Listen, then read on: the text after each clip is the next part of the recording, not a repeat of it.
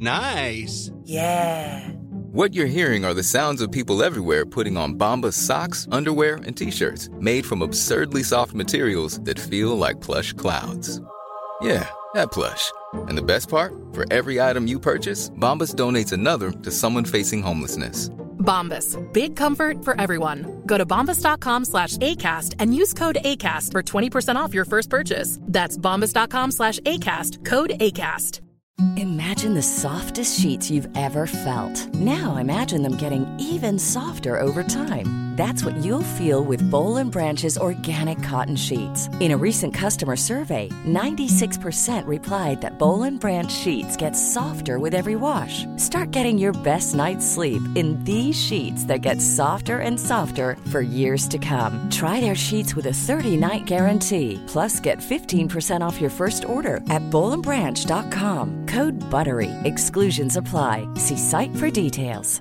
Hey, I'm Ryan Reynolds. Recently, I asked Mint Mobile's legal team if big wireless companies are allowed to raise prices due to inflation. They said yes. And then when I asked if raising prices technically violates those onerous two year contracts, they said, What the f are you talking about, you insane Hollywood ass? So to recap, we're cutting the price of Mint Unlimited from $30 a month to just $15 a month. Give it a try at mintmobile.com slash switch. $45 up front for three months plus taxes and fees. Promo rate for new customers for limited time. Unlimited more than 40 gigabytes per month. Slows. Full terms at mintmobile.com. Det här är podden Utan dig med mig Alexandra. Och mig Emily. Det här är en podd som handlar om förluster och framförallt förlusten av våra barn. Vi kommer att prata osensurerat och öppet från våra hjärtan. Vilket kan göra att innehållet väcker mycket känslor. Alla sörjer olika och det finns inget rätt eller fel. Men risken finns därför att någon kan ta illa upp. Men vi hoppas att våra lyssnare inte ska ta illa upp på något sätt.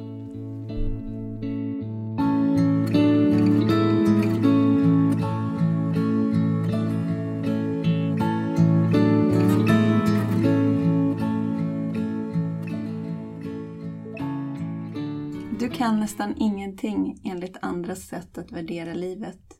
Inte förstå, inte se, inte gå, inte prata.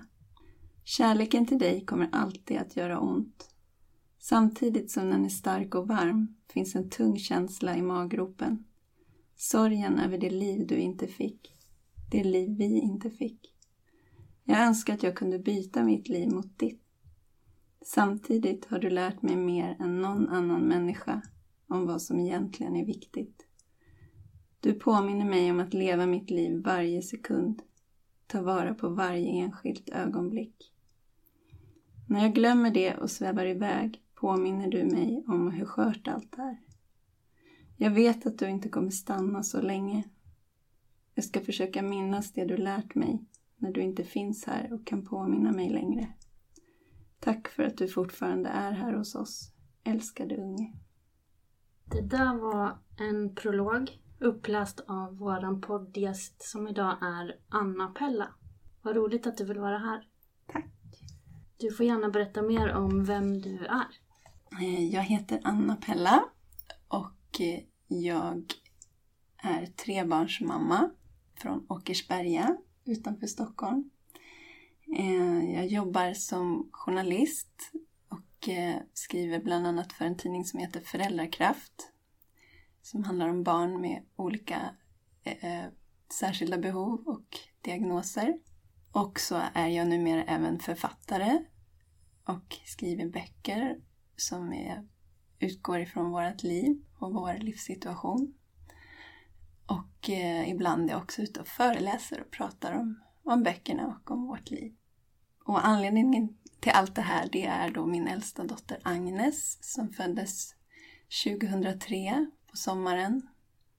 Och som när hon efter en jättefin graviditet kom ut ur min mage fick eh, föras till sånt här barnbord för återupplivning.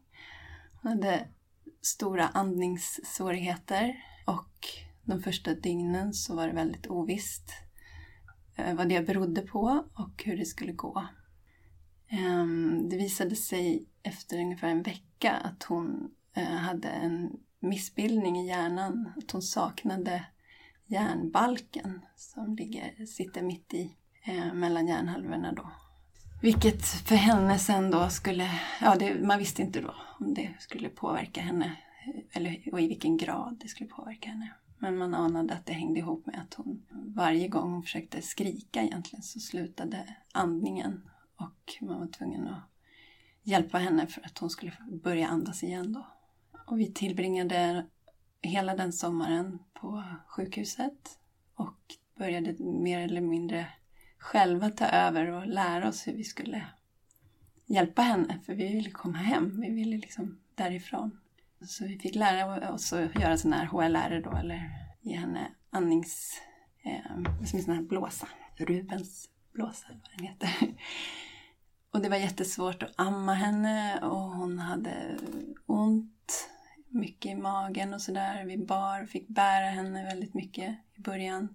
Eller snarare under hela spädbarnstiden för att hon, hon eh, kom inte till ro på något annat sätt.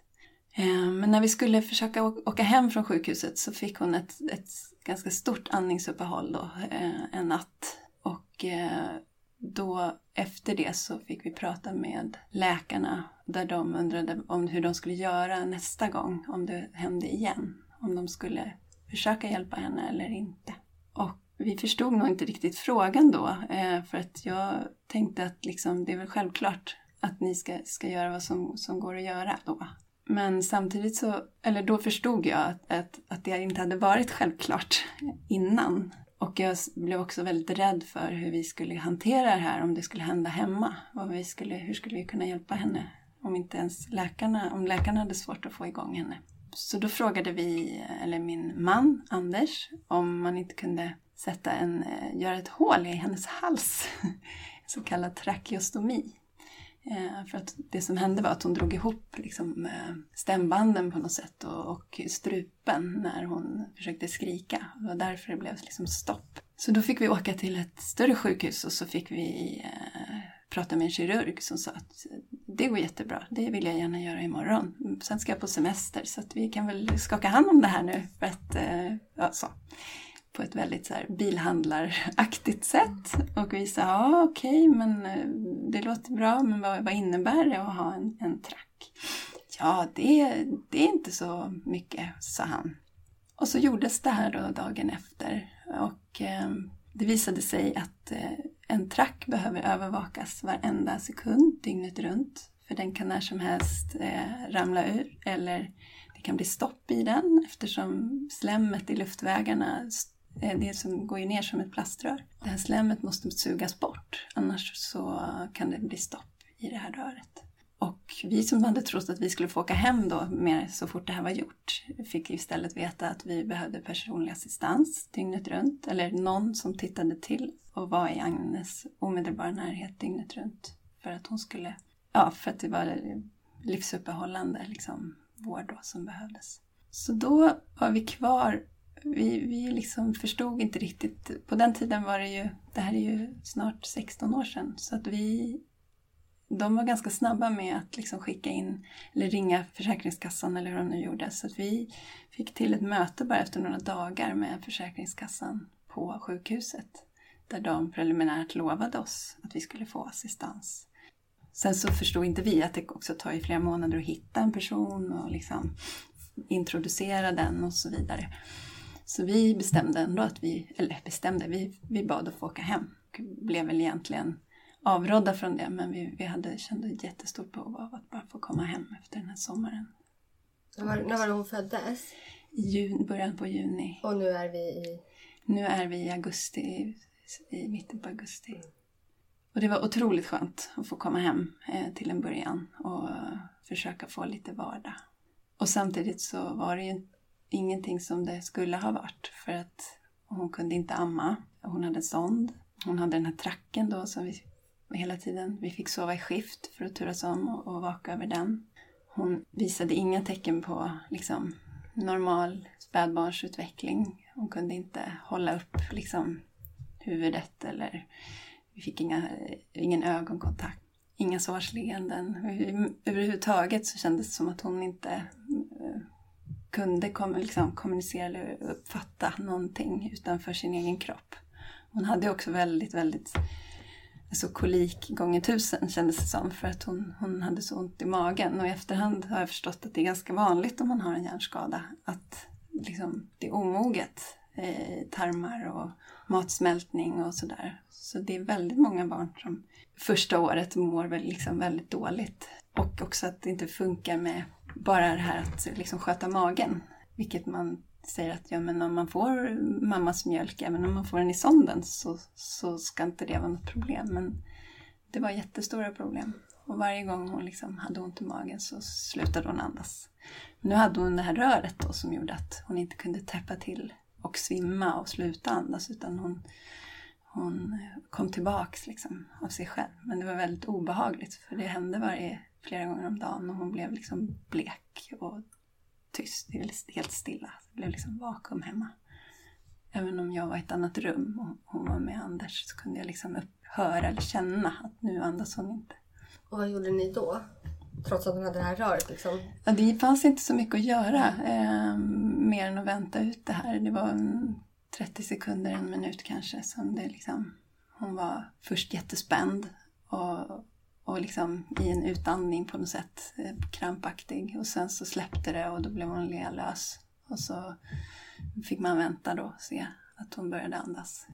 Jag tror vi hade syrgas hemma. och I alla fall så fick vi det efter ett tag. Vi hade en sån här blåsa som jag pratade om. Så att vi, vi hade väl saker att ta till men, men det, det var mest obehaget. Att, för det, det vände ju alltid och det var ju extremt utmattande för henne. Efter det så sov hon ju alltid i flera timmar. Kunde ni liksom njuta av den här småbarnstiden någonting eller var ni bara hemma och kämpade då? Kunde ni gå ut på en vanlig barnvagnspromenad? Jag hade någon sån här fix idé att jag skulle försöka göra allting så normalt som möjligt. Jag skulle åka till mitt jobb och hälsa på. Och jag skulle gå på sån här vanlig BBC-grupp. Och jag skulle liksom bevisa på något sätt att vi hade samma rätt och samma värde och sådär som, som alla andra. Och gå på promenader och sådär. Särskilt med den här gruppen då, andra mammor och så. Men det tog ju knäcken på mig. Jag, jag gjorde det någon gång och så, men eh, det, blev för, det var för ansträngande. Jag hade, med mig, jag hade med mig en väska under vagnen som var full med såna här livräddningsgrejer. Um, och så la jag en blöja uppe på och så sa att det var skötväskan. Mm. Hon kräktes väldigt mycket också. Det hade ju också att göra med den här liksom omogna magen och sådär. Så när som helst så kunde hon liksom börja kaskadkräkas och då var det jätteviktigt att inte det kom på den här plastkanylen och åkte ner i lungorna. Så det var ju ofta akuta situationer. Det var jobbigt att vara ute bland folk. Jag vet att jag alltid lyssnade i trapphuset när jag öppnade dörren för att höra om det var några grannar som liksom var i trapphuset. För då väntade jag, för jag hade ingen lust att möta andra. Och jag försökte ta på mig någon slags mask där, att liksom, om, om jag råkade möta någon för att inte liksom bryta ihop utan visa att det här går bra. Men det var, var det för din egen skull då? Eller var det mer att du kanske inte ville att de skulle bli rädda? Eller var det för att du inte orkade få frågor? Eller var det... Ja, jag tror det var må många olika orsaker men, men framförallt så ville jag ju inte att någon skulle tycka synd om oss och tycka synd om Agnes. Och jag ville inte heller behöva trösta andra eller ta ansvar för, för det. Men det blev ju ändå så att jag, det blev så att jag fick ta ansvar för alla möten och lägga fram, liksom, efter ett tag så lärde jag mig en kort version för jag, jag ville inte heller inte berätta vad som hade hänt för någon som frågade för då kände jag mig dum mot Agnes om jag liksom på något sätt, om jag liksom förminskade det här på något sätt. Så det var, det var väldigt motstridiga känslor som gjorde att jag hellre undvek, tror jag. Men som sagt, jag gick ju på BVC och drog någon checkversion och, och pratade om min förlossning, för den hade varit fantastisk. Däremot så var det ju därefter som då vår mardröm hade börjat. Men jag hade också väldigt svårt att sitta där. Jag vet att några... Jag tyckte de andra mammorna pratade om så konstiga saker. Pratade om vilken sked som var bäst att mata med eller vilken bärsele som var snyggast eller eh, märkliga saker som, som i min värld inte jag aldrig hade funderat på. Men tog det också knäcken på dig? Ja. För det måste vara jättejobbigt att de kunde prata om sådana vanliga saker som du inte fick uppleva. Ja, alltså det kändes ju också som att de har ju rätt att få göra det. Så att på ett sätt så var jag ju också en elefant i rummet eh, i, i de sammanhangen.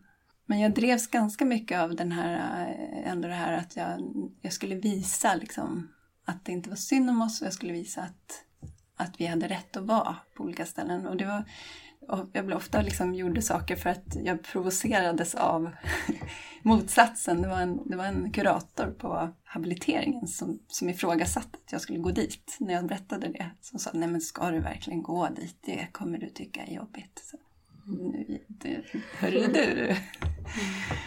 Ja, jag ska minsann. Mm. Ja. Men så här i efterhand kan jag tycka att varför skulle jag liksom, vad, vad hade jag varför skulle jag liksom visa det, visa henne det? Det var liksom, ja. Men Agnes föddes då väldigt sjuk. Mm. Och då visste inte ni så mycket om hur det skulle påverka hennes framtid. Nej. Fick ni någon liksom prognos? Vi fick egentligen ingen prognos mer än att tiden får visa. Det var en läkare som sa att ju tidigare man visar tecken på att det är någon, något problem, ju större kan man anta att skadan är. Och eftersom Agnes visade det i samma sekund som hon kom ut och eftersom det var sådana basala problem hon hade med matsmältning och andning och, och eh, hon hade också epilepsi upptäckte de ganska fort. Eller i alla fall krampaktivitet. Och, så kunde man förmoda att hon hade liksom, att det skulle påverka henne väldigt mycket. Och man visste inte heller, jag försökte också fråga någonting om man kunde säga någonting om hennes prognos rent liksom, livs, liv, hennes livslängd. Fick inte så många svar på det, eh, mer än att jag träffade en läkare som, som sa att det är vanligt att man får en infektion i, under småbarnsåren för att man har svårare att göra sig av med slem och svårare att hosta. Att det blir lunginflammation och sådana saker. Så att det är många barn som inte överlever småbarnsåldern som har den här typen av problem. Men man kan också leva till tonåren och då kan det uppstå andra bekymmer i kroppen i och med att organer och allt, ja, kroppen växer till, under tillväxten, tonåren. Eller så kan man kanske uppnå eh, 20-årsåldern, men mer än så trodde hon inte. Sen har jag ju förstått att, att med dagens, när Agnes föddes, så sen dess har ju den medicinska tekniken, och, och även innan, men, men den har ju bara exploderat. Och de hjälpmedel vi har hemma idag, de kunde man inte ha hemma för 20 år sedan. Utan då fick man vara fängslad i sin sjukhussäng eller bo på sjukhus för det var så stora apparater och stora... Och det fanns ju inte heller, man hade ju inte möjlighet att ha assistans på det sättet och så. Så att eh, det är ju många saker som har gjort att hon kan bo hemma och att hon har överlevt. Som är, beror på att hon är född när hon är, ja, Mm. på 2000-talet. Och vi fick ju då, när hon var sex månader så knackade den första assistenten på dörren. Innan dess hade Anders och jag turats om att vara vakna hela tiden. Fick ni någon hjälp med avlastning från familjemedlemmar och sådär eller? Ja, vi hade min mamma och Anders pappa och även deras respektive hjälpte till på olika sätt. Men eftersom det var, de, det var så dramatiskt, de här liksom, stora andnings...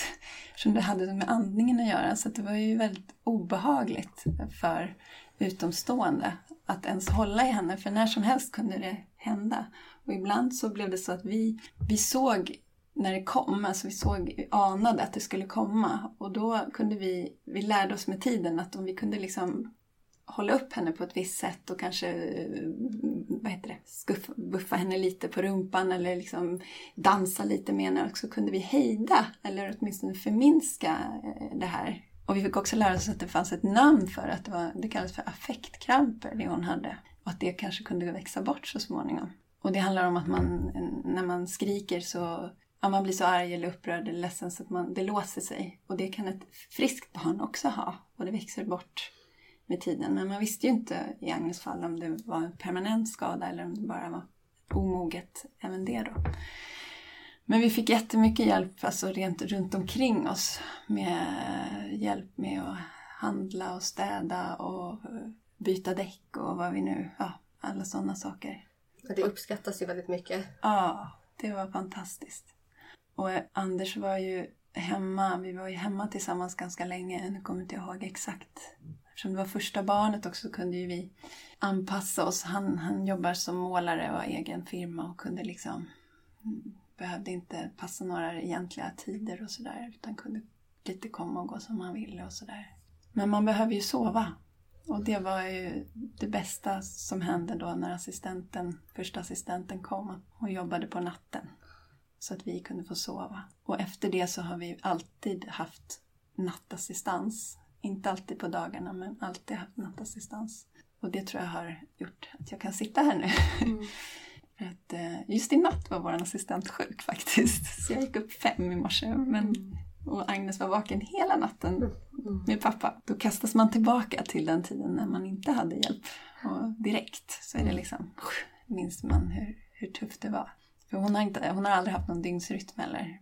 Eftersom hon då troligtvis är blind. Vi vet inte säkert men med största sannolikhet så är det också så att hon inte tar upp melatonin som, som eh, och, och därför så blir sömnen rubbad. Det kan bero på epilepsi och andra saker också. Men eh, någonstans när hon var fem månader så skulle jag säga att vi gick från den här liksom tunga, tunga perioden och började ana någon form av, något form av ljus. Och det var eh, när Anders satt och gungade henne i famnen som han brukade göra för att hon var så obekväm i sin kropp så att hon behövde liksom röra sig hela tiden. Och så helt plötsligt så såg vi båda att hennes eh, läppar drogs eh, ut som ett streck. Och så tittade vi på varandra så här, var det där ett leende? nej, nej, det måste ha varit en kramp eller någonting. Liksom. Eh, och så gjorde han samma sak igen. Och så stannade han. Och så tittade vi och så gjorde hon det igen.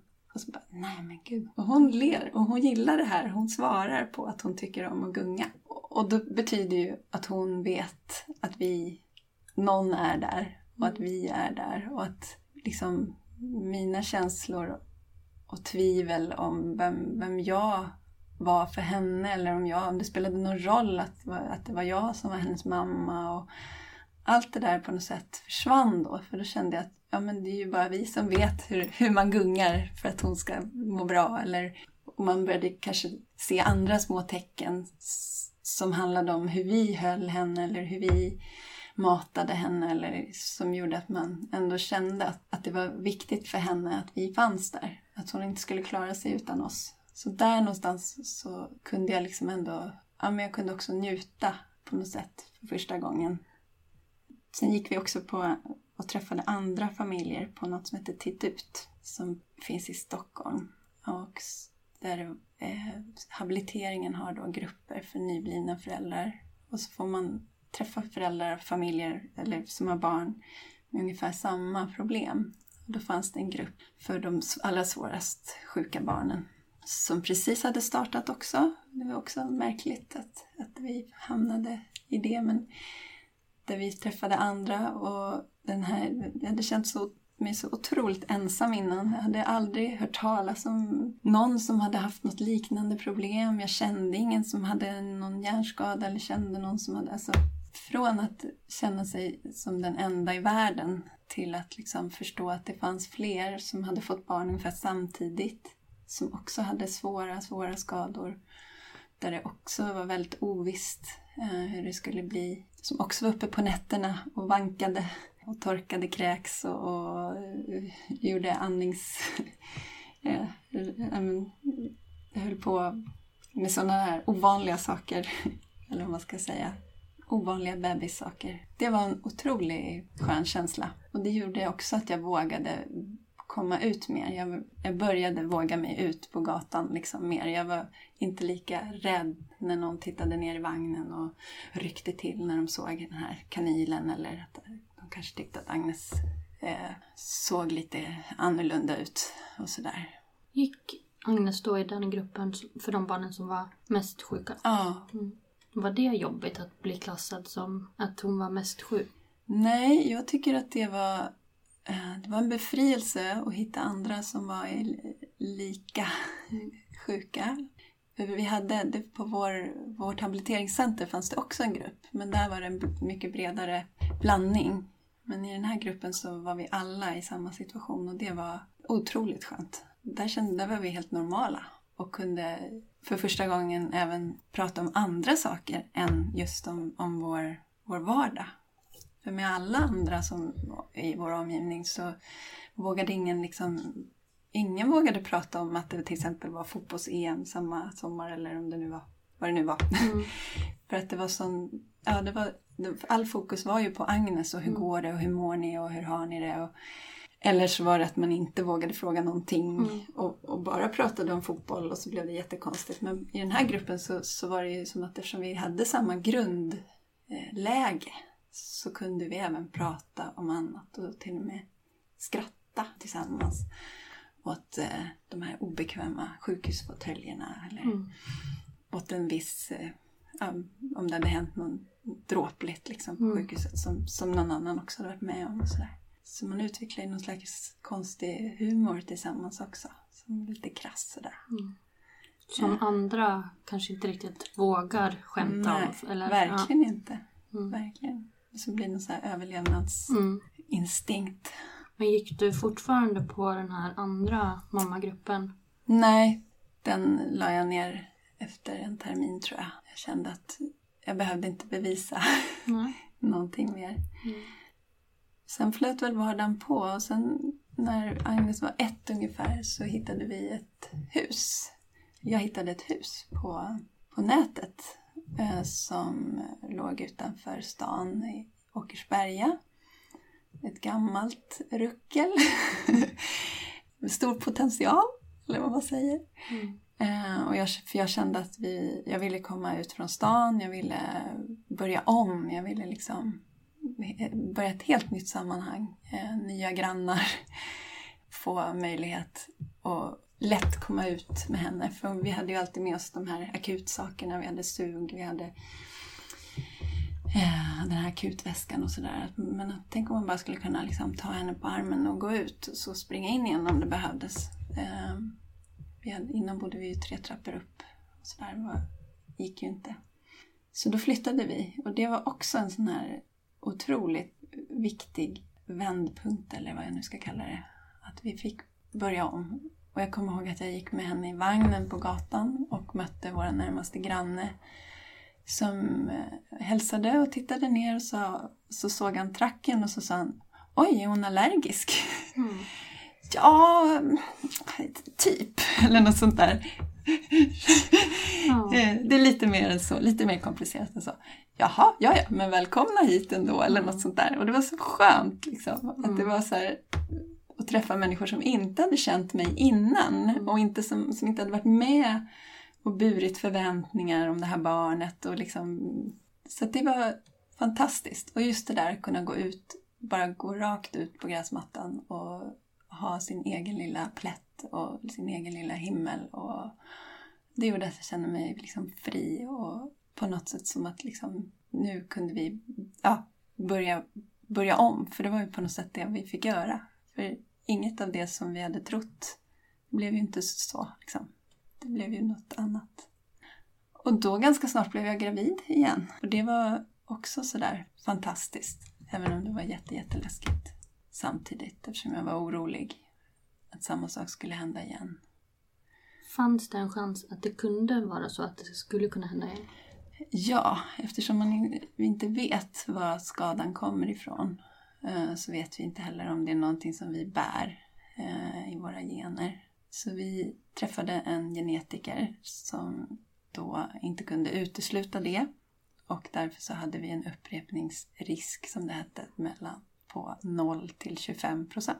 Och det är ju ganska stor. Det är ganska stor. Mm. Men de sa också att de, de trodde att det snarare var noll då. Mm. Men det, det, kunde de ju inte. Och jag tänkte att har man en gång tillhört den där statistiska osannolikheten som, som det står längst ner på den här lappen man får med sig från barnmorskan att en procent eller en halv procent föds med svår sjukdom. Mm. Så, så jag litade inte på siffror alls. Utan, och dessutom hade jag träffat många andra barn under det här året då, med andra problem och som, som hade också fått skador vid förlossningen och sådär. Så, så jag vågade inte tro att det skulle gå bra.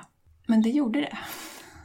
Och när Ida föddes och jag såg henne så liksom såg jag på en gång att hon var frisk. Eller jag kände i mig att hon var frisk.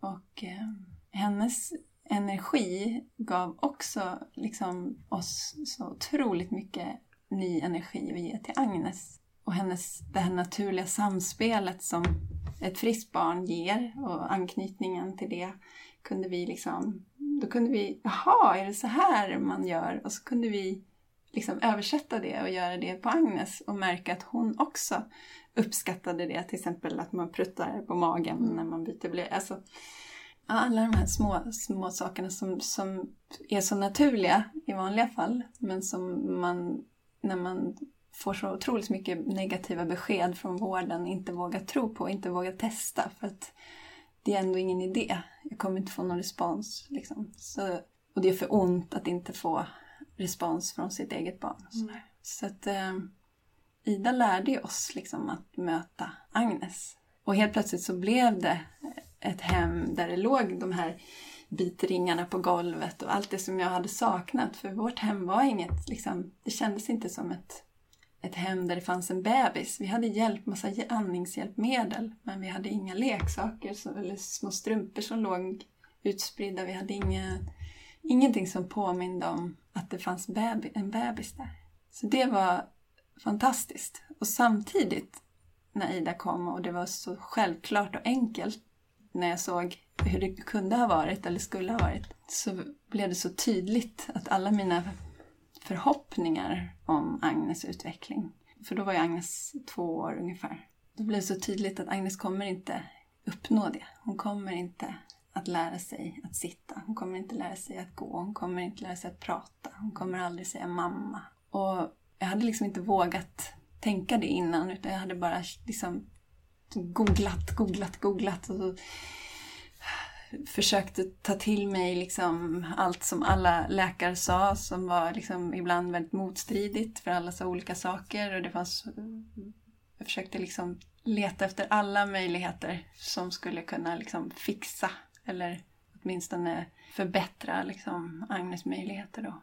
Men eh, det blev sån stor kontrast när jag såg Ida. Och, och samtidigt då när jag vågade liksom tänka de tankarna och vågade prata om det med Anders och, och upptäckte att han hade samma känslor och tankar så, så var det så otroligt skönt. För att efter det så kunde vi på något sätt enas i att ja, men det, är, det är som det är med Agnes. Det kommer vara så här. Hon kommer inte göra framsteg på det sättet. Hon kanske kommer må bättre i kroppen eh, med hjälp av behandlingar eller mediciner eller att hon mognar i kroppen. Eh, och det kanske kommer göra att hon är mer närvarande och kan visa oss mer eh, vad hon tycker och känner om saker. Men vi kan inte ha liksom några andra förväntningar på hennes utveckling.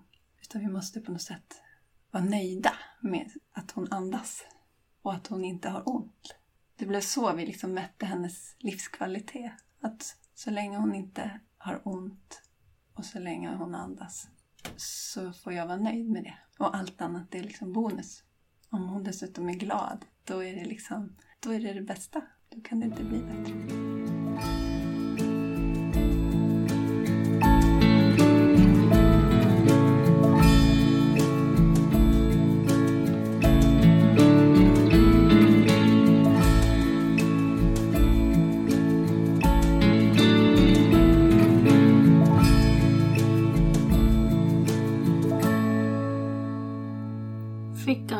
Mycket mediciner? Eller får?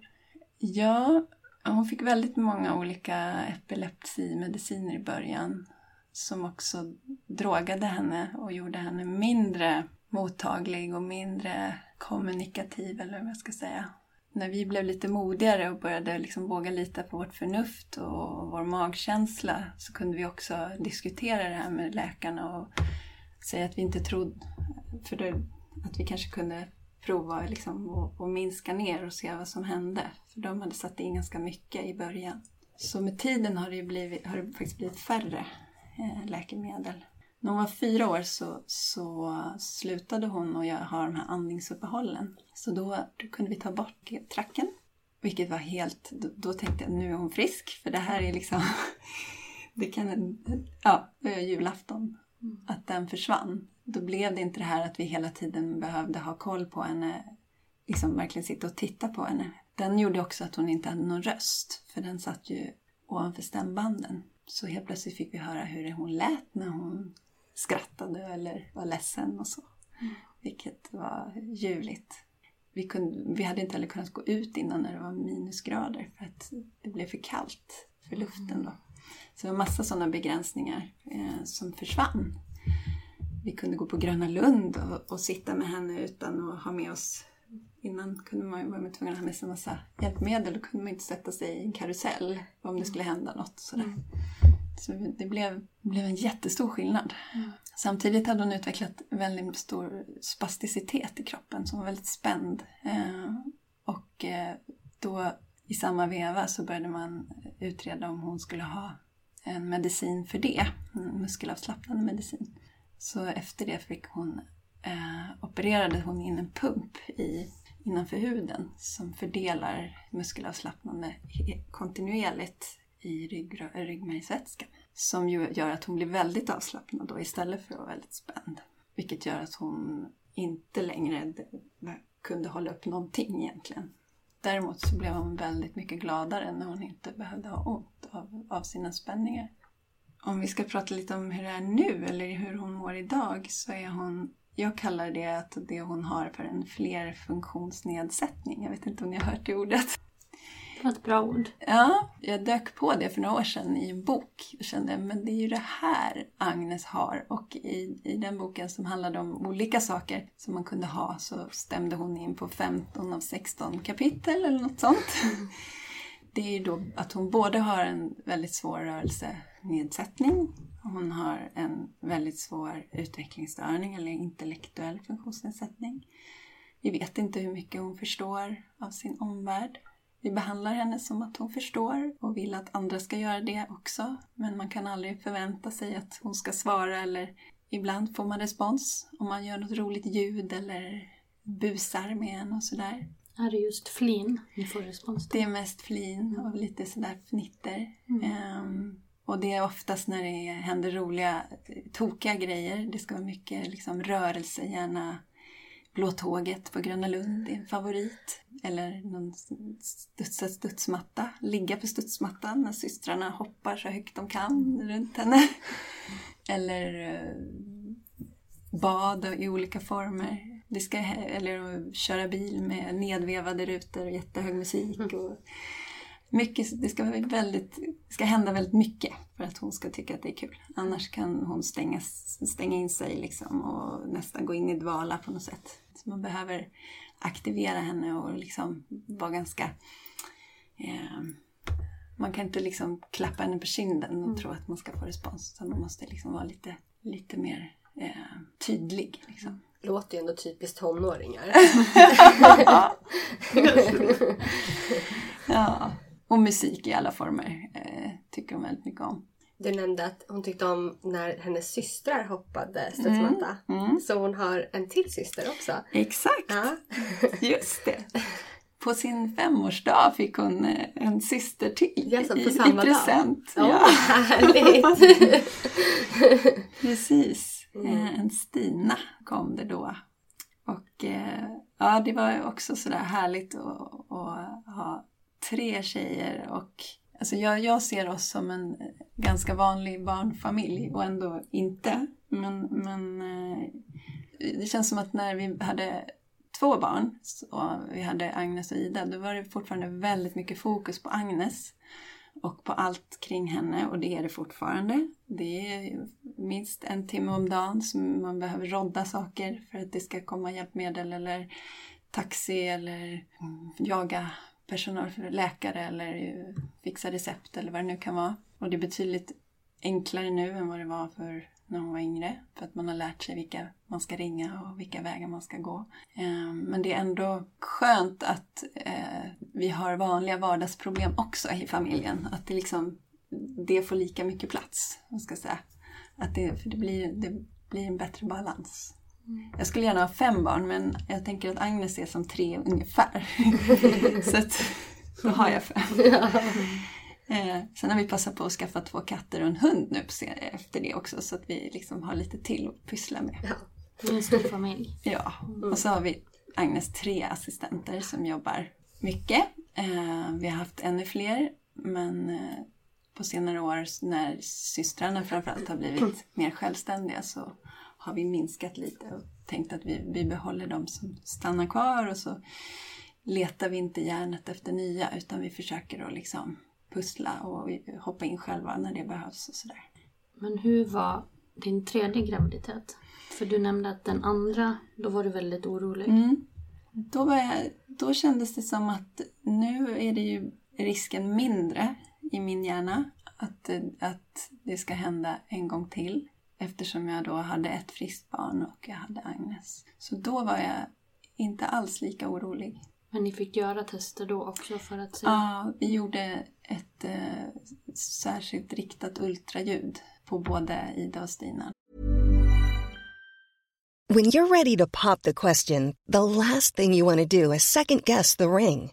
At Bluenile.com, you can design a one of a kind ring with the ease and convenience of shopping online. Choose your diamond and setting. When you find the one, you'll get it delivered right to your door. Go to Bluenile.com and use promo code LISTEN to get $50 off your purchase of $500 or more. That's code LISTEN at Bluenile.com for $50 off your purchase. Bluenile.com code LISTEN. Hey, I'm Ryan Reynolds. Recently, I asked Mint Mobile's legal team if big wireless companies are allowed to raise prices due to inflation. They said yes. And then when I asked if raising prices technically violates those onerous two year contracts, they said, What the f are you talking about, you insane Hollywood ass? F- So to recap, we're cutting the price of Mint Unlimited from $30 a month to just $15 a month. Give it a try at mintmobile.com slash switch. $45 upfront for three months plus taxes and fees. Promo rate for new customers for limited time. Unlimited more than 40 gigabytes per month. Slows. Full terms at mintmobile.com. Där man gick in och tittade precis på de här delarna. Om de fanns eller inte. När Agnes var liten, mm. då skrev du dagbok. Ja, det gjorde jag. Ehm, när vi låg på barnintensiven så kom det en sköterska och tittade mig stint i ögonen. Och jag minns att hon, eller jag vet inte om det är en efterkonstruktion, men jag tror att hon hade en stor tjock lång fläta och väldigt grova händer och var en sån där troll, eh, liksom, en sån där bastant härlig sköterska som man känner, åh, man känner sig trygg med. Och så tror jag hon höll mig om axlarna och tittade på mig och sa att skriver du dagbok? Sådär lite krasst liksom. Eh, va? Nej, eller vad ska jag det? Eh, jag tycker du ska skriva dagbok till din dotter. Så att hon eh, i efterhand kan läsa vad, vad som hände här på BIVA när, när hon föddes. Jaha, okej, ja men jag har ju skrivit när jag var yngre tänkte jag. Det, det gör jag väl, det, det, det skulle jag kunna göra. Men jag tror också att hon tänkte att jag behövde någonting att göra. För att jag satt ju fjättrad vid den här sängen och tittade på monitorerna och larmen och slangarna och sladdarna och sådär. Så då började jag skriva dagbok eh, till Agnes. Ju mer åren gick så insåg jag att hon kommer inte läsa det jag har skrivit. Och samtidigt så hade jag själv letat efter andra berättelser. På den tiden fanns inga poddar man kunde lyssna på hur andra har det.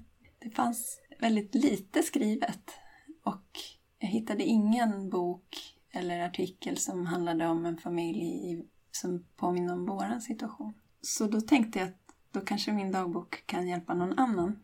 Eh, sen tänkte jag väl på det här ett tag, men gjorde ingenting åt det. Men sen för några år sedan så bestämde jag mig för att försöka göra, använda texterna då och skriva ett bokmanus. Som jag skickade till 30 förlag ungefär, innan jag fick napp. De flesta sa att det var bra, men att det var för liten, alltså för smalt ämne. Eftersom det inte, ja, det är så pass ovanligt och så. Men eh, som sagt, jag hittade ett förlag som, som trodde på, på mig och tyckte att historien var för viktig för att inte komma ut. Och jag har ju fått jättemycket fin respons från andra, framförallt föräldrar i liknande situation som har känt igen sig i mycket av det jag har skrivit. Och det är ju det som är, det är en fantastisk, eh, liksom, det är ju nästan som terapi för mig att få, få tillbaka det. Att liksom de här känslorna man har haft under åren som har varit både att man har önskat att det ska ta slut för att det är så kämpigt. Och samtidigt har man varit helt vansinnig på läkare som har ifrågasatt om de ska hjälpa oss eller inte, eller hjälpa Agnes eller inte. Till liksom svårigheten att knyta an till ett barn som, inte, som man inte får kontakt med. Till vad, vad är, vem är jag om inte mitt barn vet om jag inte är viktig? Och är, vad är det för fel på mig eller min partner? Alltså alla de här, att det, det är så många som som känner liknande. Och det är så skönt då att det är fler för då blir det ju inte, då är det inte bara hos mig. Det är, liksom, det är liksom allmänna vanliga reaktioner när man drabbas av en kris av det här slaget. Och när den här boken hade kommit då eh, så kände jag att jag också hade saknat, inte bara läsa om andra som påminner om oss, utan jag hade också saknat någonting för mina barn, för Agnes syskon eh, framförallt. Att läsa om andra i vår situation. Så då passade jag på innan förlaget hann glömma bort mig och sa men jag skulle också kunna kanske få prova att skriva en barnbok på det här temat. Ja, sa. Jo, men det passar ju bra, sa de, för att vi ska precis börja med barnboksutgivning här. Åh. Så då ganska snabbt så skrev jag ihop eh, fem idéer på, för jag tänkte det är lika bra att satsa, satsa stort på fem olika då, eh, böcker med olika teman. Och eh, de nappade på det, så att, eh, vilket var ju bara helt otroligt med tanke på hur länge jag kämpade för att få ut den första boken. Då. Som heter? Den första boken heter När du ler stannar tiden. Och det var den boken vi fick höra om i början här. Ja, precis. Och barnböckerna har då, heter Funkisfamiljen, eller själva serien Funkisfamiljen. Och eh, den handlar ju om tre syskon, varav den ena är funkis. De här syskonen påminner ju lite om vår familj förstås. Och i varje bok så uppstår någon form av dilemma för den här funkisfamiljen. Och det är ofta det är saker som vi har varit med om, men det är också lite fantasi blandat.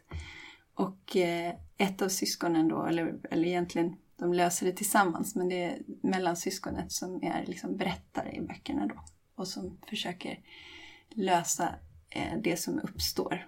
Och den första boken heter Operation Slutstirrat och handlar om vad man ska hitta på när människor i allmänhet ute på stan och sådär stirrar på ens syskon i rullstol. Eller viskar eller tittar bort eller kanske kommer och säger någon jättekonstig kommentar. Eh, och det är ju någonting som, som vi var med om väldigt tidigt och som jag märkte på Agnes syskon att de blev illa berörda när det hände. De, de ställde sig ofta på hennes rullstol på sidorna som någon slags sköld när vi gick genom vårt köpcentrum hemma. Det kanske var omedvetet, jag vet inte. Men, men som en instinkt så har de liksom alltid på något sätt velat vara emellan henne och den här ja, omgivningen som då beter sig på ett eller annat sätt. Och det var också någonting som jag själv tyckte att när, när Agnes syskon var mindre och gick på förskola så var det inga problem. Då var alla barnen där var jättenyfikna när Agnes kom och hämtade sina systrar och ställde jätteroliga frågor och var jättenyfikna och, och eh, rakt på sak. Och varför kan hon inte gå? Och varför, kan, varför har hon munnen öppen sådär? Och har hon någon prinsesströja eller liksom väldigt härliga liksom rakt på sak frågor. Men sen när de började skolan och jag tänker att det är också en ålder när man börjar titta sig omkring lite mer och hur, hur man vill kolla hur kompisen beter sig innan man själv agerar och sådär. Och då när vi kom till skolgården så kunde det hända att, att barnen istället sprang åt ett annat håll och att till och med fritidspersonalen började titta i sina papper eller blev väldigt upptagna och att det blev väldigt, väldigt märkligt eh, från att vi haft, hade, att det hade varit så enkelt. Och de här böckerna är skrivna för, för precis när man börjar skolan, eh, första åren i skolan. Så det kändes som ett jättebra ämne att börja med, det här med bemötande då. Och sen den andra boken eh, heter Operation Rädda sommarlovet och den handlar om vad man ska göra när alla planer hotas för att ens syskon eh, blir sjuk, allvarligt sjuk och hamnar på sjukhus. fast det är sommarlov och familjen egentligen har tänkt göra en massa roliga saker. Och även den här gången så är det ju då syskonen som försöker hitta lösningar tillsammans med vuxna och tillsammans med vänner. Och det är så bra med barnböcker för att då, då det, det finns alltid en lösning. Det är fantastiskt.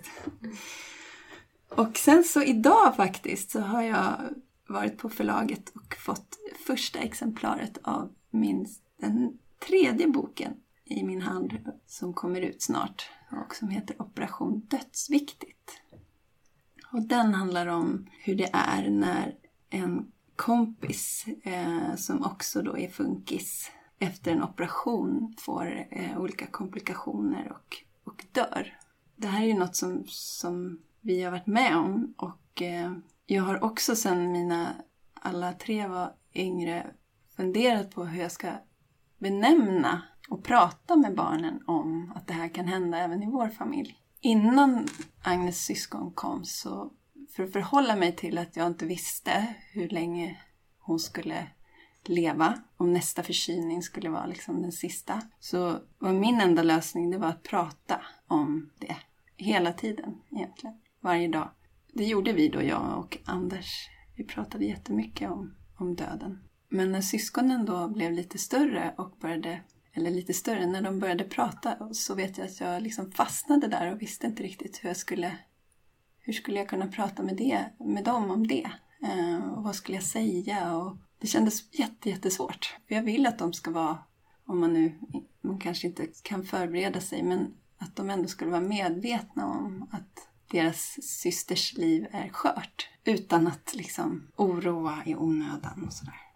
Har du fått något tips eller något, alltså kunnat tagit någon hjälp av någon för att veta hur du skulle prata om sånt med syskonen? Jag var på en föreläsning med Kristina Renlund som har skrivit böcker om syskon och som har träffat många småsyskon. Hon är psykolog, psykoterapeut. Hon pratade lite om det. Och generellt sådär hur man pratar om funktionsnedsättning och hur man pratar om andra saker om framtid eller att många syskon känner ett ansvar för att de ska ta hand om att det kommer hamna på dem en dag. Eh, kanske om föräldrar, när föräldrarna är för gamla eller sådär. Det finns så många liksom, områden som, som är så svåra att nämna då. Och jag fick nog med mig liksom att, ja men, att man skulle inte överprata utan mer liksom vänta in och kanske försöka hitta böcker eller filmer eller saker där man liksom naturligt kunde komma in på det men att prata om det. Och då liksom, ja, på något sätt väva in det.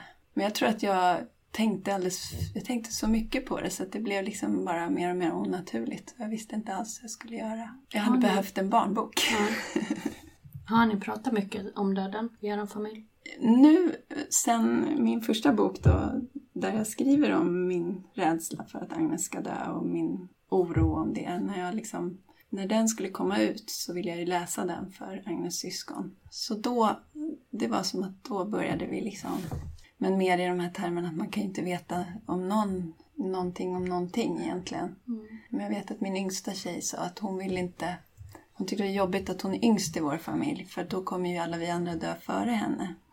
Då blir hon ensam. Och då sa jag att men det vet vi ju inte. Vi, vi vet ju ingenting om vem som kommer dö först. Och om man är mycket sjuk och mycket på sjukhus, får mycket mediciner så kanske det blir så att till slut så hjälper inte medicinerna och då kanske man dör först. Och så, där. så Och så är det ju för Agnes. Alltså vi, så att vi, det blev ändå att vi, vi började liksom prata men kanske lite mer att vi resonerar fram och tillbaka. Det kanske blir så eller vi vet inte och så. Men det är ju fortfarande någonting tror jag som man skulle önska att vi liksom hade med oss mer, ännu mer naturligt än vad vi, än vad vi har. Det är svårt. Mm. Har du läst alla fyra böcker för dina barn? Ja, det har jag gjort. Tycker de att de är bra? De tycker nog det. De eh, tror de är ganska stolta Mm. över att de också känner igen sig i mycket, även i de här barnböckerna. Och eh, jag tror att de är glada. Vi har ju också gjort en, eh, som jag har med mig ibland eh, när jag är ute och föreläser, en pappfigur av funkisfamiljen. Eh, Så vi brukar skoja om att vi liksom finns som pappfigurer. Mm. Och det är lite, lite märkligt och roligt. Men, men lite mer om den här, den, den handlar väldigt mycket om just faktiskt min vånda. Att inte våga prata om döden. Den handlar väldigt mycket om boken om, om att vuxna pratar om döden i, i andra termer. Och inte vågar säga död eller dö utan använder de mest märkliga ord som barn inte kopplar och kan missförstå.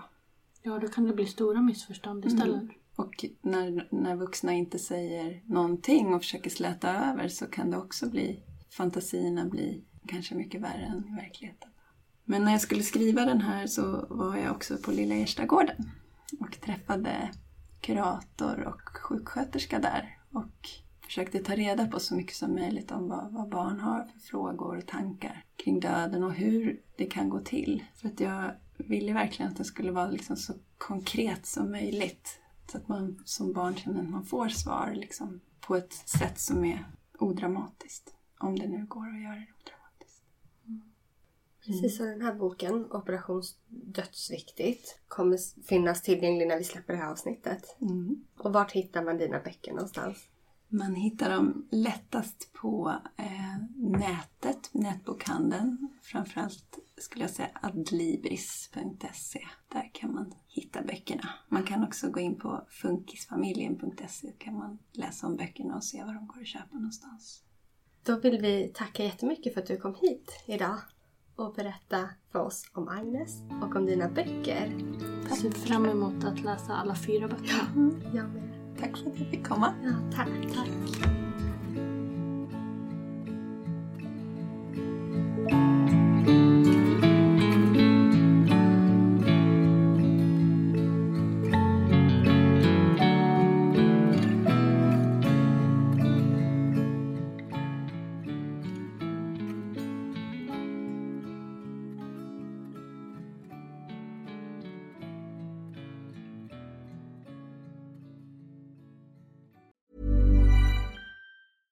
Hey, it's Paige DeSorbo from Giggly Squad. High quality fashion without the price tag. Say hello to Quince. I'm snagging high-end essentials like cozy cashmere sweaters, sleek leather jackets, fine jewelry, and so much more. With Quince being 50 to 80% less than similar brands. And they partner with factories that prioritize safe, ethical, and responsible manufacturing. I love that. Luxury quality within reach. Go to quince.com slash style to get free shipping and 365 day returns on your next order. Quince.com slash style. Imagine the softest sheets you've ever felt. Now imagine them getting even softer over time. That's what you'll feel with Bowl and Branch's organic cotton sheets. In a recent customer survey, 96% replied that Bowl and Branch sheets get softer with every wash. Start getting your best night's sleep in these sheets that get softer and softer for years to come. Try their sheets with a 30-night guarantee. Plus, get 15% off your first order at bowlandbranch.com. Code BUTTERY. Exclusions apply. See site for details. Hi, I'm Daniel, founder of Pretty Litter. Did you know cats tend to hide symptoms of sickness and pain? I learned this the hard way after losing my cat, Gingy. So I created Pretty Litter, a health monitoring litter that helps detect early signs of illness by changing colors, saving you money and potentially your cat's life. Pretty Litter is veterinarian developed, and it's the easiest way to keep tabs on your fur baby's health right at home. Go to prettylitter.com and use code ACAST for 20% off your first order and a free cat toy. Terms and conditions apply. See site for details.